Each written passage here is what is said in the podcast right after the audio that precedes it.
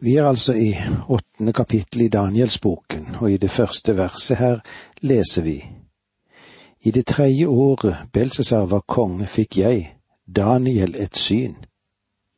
Det kom en tid etter det forrige. Altså tid og sted for synet. Vi befinner oss nå i det tredje året av Belsesars regjeringstid. Han som var den siste babylonerkongen. Det synet som ble gitt i kapittel sju forekommer i hans første regjeringsår. Det betyr at begge disse synene tilhører den siste del av det samlede babylonske verdensriket. I vers to leser vi videre slik. I dette synet så jeg at jeg var i borgen Susa i provinsen Elam, og at jeg var ved elven Ulai. I synet så befinner Daniel seg i Susa, hovedstaden i det medopersiske riket, det andre verdensriket. I borgen, ja, kanskje vi mer nøyaktig kan oversette det som nær borgen. Ulei er elven ved Keraha som passerte Susa. Årsaken til at selve rammen om syn er sus og ikke Babylon, er at dette synet angår det andre og tredje verdensriket. De hendelser som profetisk trer frem i denne visjon, blir alle fullbyrdet innenfor en tidsramme på 200 år.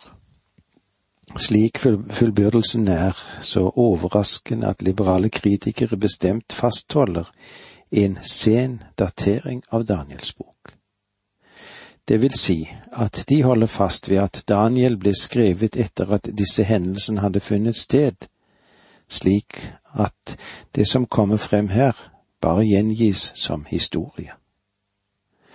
Dette er et forsøk på å bli kvitt det mirakuløse, som eh, kan virke både pinlig og forstyrrende på fortolkningssystemet som egentlig avviser all slags profeti. Det andre vi skal se på, er en vær med to horn. Da jeg så opp, fikk jeg øye på en vær som sto ved elven. Den hadde to horn. Begge var store, men det ene var større enn det andre, og det største vokste sist fram, som det står i vers tre enhver som hadde to horn. Dette klargjøres senere til det medisk-persiske riket. Eller la oss se hva det står i vers 20 her i kapittel 8. Væren du så, den som hadde to horn, er kongene i Media og Persia. Det største vokste sist fram. Med andre ord betyr det at det horn som representerer media, kom frem først, da Gobrias, medernes general, ødela Babylon. Senere banet persiske monarker seg adgang til det mediske riket, og førte dette store imperium til sin største høyde. Denne væren med sine to horn, og det ene hornet større enn det andre, det er medisk-persisk imperium der den persiske epoken er den mest fremtredende. Vers fire Jeg så at væren stanget mot vest, mot nord og mot sør. Det var ingen dyr som kunne stå seg mot den, og ingen kunne berge noen fra dens makt. Væren gjorde som den ville, og fikk veldig makt. Jeg så at væren stanget mot vest, mot nord og mot sør. Hvorfor sies det ikke at han stanget mot øst? Persia lå i øst, og det gjorde ikke forsøk på å trenge seg videre østover. Hadde de gått videre i den samme retningen, så ville de ha beveget seg inn i Orienten, inn i India og Kina. Men de utvide sitt rike i de tre andre retningene. Det er dette riket som var representert ved bjørnen i kapittel sju, og beskrives dermed som et rike med en ganske sterk slagkraft. Det tredje vi skal òg legge merke til, er en brutal geitebukk som ødelegger væren. Vers fem. Mens jeg sto og så på dette, kom en geitebukk fra vest. Den for fram over hele jorden uten å komme nær marken. Bukken hadde et stort horn i skallen. Da Daniel sto der, overveldet av den makt og kraft som lå i væren, så kommer det fra vest en geit som har stor fart og et stort horn. Denne geita representerer Grekenland, og hornet er et uttrykk for Alexander den store. La oss se hva det står i vers 21 i kapittel 8. Den raggete bukken er kongen av Javan. Det store hornet den hadde i skallen, er den første kongen. Under Exers Exes hadde Persia til hensikt å dra vestover men fra vest kom denne geita som hadde så stor fart at den ikke berørte marken. Og det korresponderer med de fire vingene som leoparden hadde, og det er et uttrykk for den mobilitet som Alexander hadde når det gjaldt sin hær. La oss eh, lese videre versene seks og syv. Den kom bort til væren med de to hornene, den jeg så ved elven og for imot den med voldsom kraft. Jeg så hvordan den kom helt bort til væren, stanget til den i sinne og brakk begge hårene på den. Væren hadde ikke kraft til å stå seg imot den. Bukken kastet den til jorden og tråkket på den, og ingen kunne berge væren fra dens makt. Stanget til den i sinne. Hva kan dette være? Jo, det betyr at hat og vrede drev den fram. Den løp fram for å ødelegge verden. Exerexes var den siste store herskeren i Persia.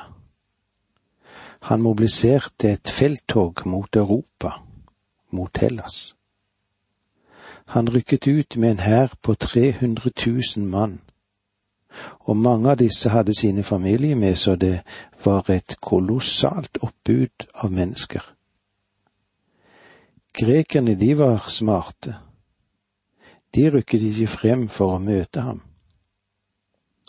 I stedet så ventet de til han kom til termopylene, som var et trangt pass, der han ikke hadde noen nytte av en stor hær fordi en gresk soldat var jevngod med i alle fall ti av de mediopersiske soldatene som ikke var så øvet, og de var heller ikke så disiplinert som grekerne var.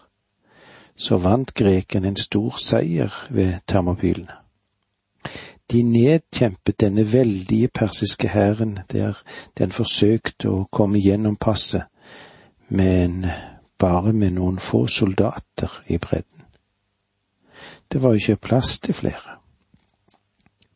Og så hendte det da ved Salamis at Exerces, Exes flåte på 300 skip ble ødelagt av en storm. Da han fikk melding om at flåten var ødelagt, så dro han ned til havet og fikk havet pisket, fordi det hadde ødelagt flåten hans. Man skulle ikke tro at man hadde med en så intelligent feltherre å gjøre. Dette markerte det siste forsøket fra øst til å utvide de områdene som var ønskelig vestover. Ingen større felttog foregikk senere. Det er riktig at de store hordene til Mohammed, maurene, kom nordover via Spania, men Karl Martel stoppet dem i slaget ved Tors. Det er også riktig at tyrkerne prøvde å komme østfra gjennom Balkan, men de mislykkedes. Og eh, det var så langt vi kom sammen i dag. Takk for nå, må Gud være med deg. Dette undervisningsprogrammet består av to deler. Åge Nevland fortsetter nå med andre del av dagens undervisning. Vi er i Daniels bok, og vi har stoppet litt opp for bukken og væren og hvordan de hadde, og hvordan bukken var når han kastet seg til jorden eller mot jorden og tråkket på den. Han stanget i sinne. Og dette markerte det siste forsøket fra øst for å nå sine områder vestover. Men nå altså stiger det frem i vest en mektig general. Og her møter vi en ung mann. Navnet hans er Alexander, og han fikk tilnavnet Den store. Han var bare 33 år gammel da han døde. Men han var et militært geni, et av de største. Noe av hans horte lå i at han hadde sett verdien i stormangrep. Han hadde lagt merke til at den hurtige forflytning av militære enheter, det er det som virker, og så kan en slå til raskt. Det fjerde punktet som vi kommer til nå er fire horn og et lite horn vokser frem av bukken. Vi leser vers åtte i kapittel åtte. Geitebukken fikk veldig makt, men nettopp som den var på det sterkeste ble, den, ble det store hornet brukket av, og det vokste opp fire andre horn i stedet, ett for hver av de fire himmelretningene. Nettopp som han var på det sterkeste ble det store hornet brukket av. Hva var det som brøt dette hornet? Det var ingen menneskelig makt som kunne bryte det. Historien vet å fortelle at da han kom til marken, ble hele verden et lydrik under Alexander den stores hæl. Tradisjonen forteller at han satte seg ned og gråt fordi det ikke var flere riker å erobre. Han hadde da erobret hele den kjente verden. Men midt i denne veldige erobringsepoken fikk han en febersykdom, og etter en natts drikkekalas, så døde han i Babylon år 323 før Kristus. Og han var ikke gamle karen, 33 år. Nettopp som den var på det sterkeste, ble det store hornet brukket av. Alle disse tre verdensrikene, det babylonske, det medopersiske og det gresk-makedonske, gikk under i en drikkeorgie. Vi kan tillate oss spørre når det gjelder vår vestlige kultur også i dag, vil det kanskje skje igjen? Alexander den stores veldige imperium gikk under på grunn av hans store trang til alkohol. Han hadde erobret verden, men han kunne ikke erobre Alexander den store. Vi tror at vi er så intellektuelt overlegne. Ja, kanskje det øverste ledd i en evolusjonsprosess, og at det ikke er noen sjanse for at vi kan gå til bunns som nasjon. Det er kanskje tiden inne nå for noen og enhver blåser i et varselsignal og gjør kjent at vi er på vei ut. Og leser jeg profetiene riktig, så er vi på vei ut og det vokste opp fire andre horn i stedet. Da Alexander døde, ble hans rike delt mellom fire menn, og det korresponderer veldig godt med de fire hodene på leoparden i kapittel sju. Det var fire generaler som delte riket mellom seg. Kassander som ble gift med Aleksanders søster, søster og tok den europeiske delen, Makedonia og Hellas. Lysimako, som tok den største delen av Lille Asia med det moderne Tyrkia. Selevkus, som tok Asia, hele den østlige delen av verdensriket med unntak av Egypt. Og så har vi det siste, da, Egypt og Nord-Afrika. Det var Potelemus som tok det. I vers ni leser vi slik, fra ett av dem skjøt det frem et nytt lite horn det vokste seg større og større mot sør og mot øst og mot det fagre landet. Det fagre landet er Israel. Det lille hornet i dette kapitlet er ikke det samme som vi møtte i det foregående kapitlet. Der skjøt det lille horn frem fra det fjerde riket. Her kom det lille hornet frem fra det tredje riket. Dette lille horn er historie, mens det lille horn i kapittel sju først åpenbares i fremtiden. Det er allment erkjent at det lille hornet kom fra Syria, fra det selevkidiske dynastiet. Og mannen var Antitokus, den fjerde, eller Epifans, sønn av Antikos den store. Han kalles av, av og til for Epimanes galningen, og han var ennå en vanvittig hersker. Antitokus kom til tronen i år 175 før Kristus, og han angrep Jerusalem. Og eh, det var imot ham at eh, makabeerne reiste seg i Juda. Antitokus var fanatisk antisemitt, og han prøvde å utrydde jødene. Han plasserte en billedstøtte av Jupiter i den aller helligste delen i tempelet i Jerusalem. Dette var den første ødeleggelsens vederstyggelighet. Han tømte også svinegjødsel over alle de hellige kar. I vers ti leser vi slik. Det vokste helt opp til himmelens hær, og det kastet noen av den hæren og av stjernene ned på jorden og tråkket på dem. Jeg må ærlig innrømme og erkjenne at dette er vanskelig, det er et vanskelig utsagn å tolke dette. Jeg tror at den naturlige tolkningen, er at Anitokus utfordret Gud og fikk lov til å erobre Jerusalem og tempelet. Dette felttoget inkluderer også den åndelige verden der engler og demoner var involvert. Noen av de avskyeligheter som tillegges Antiokus, er rystende.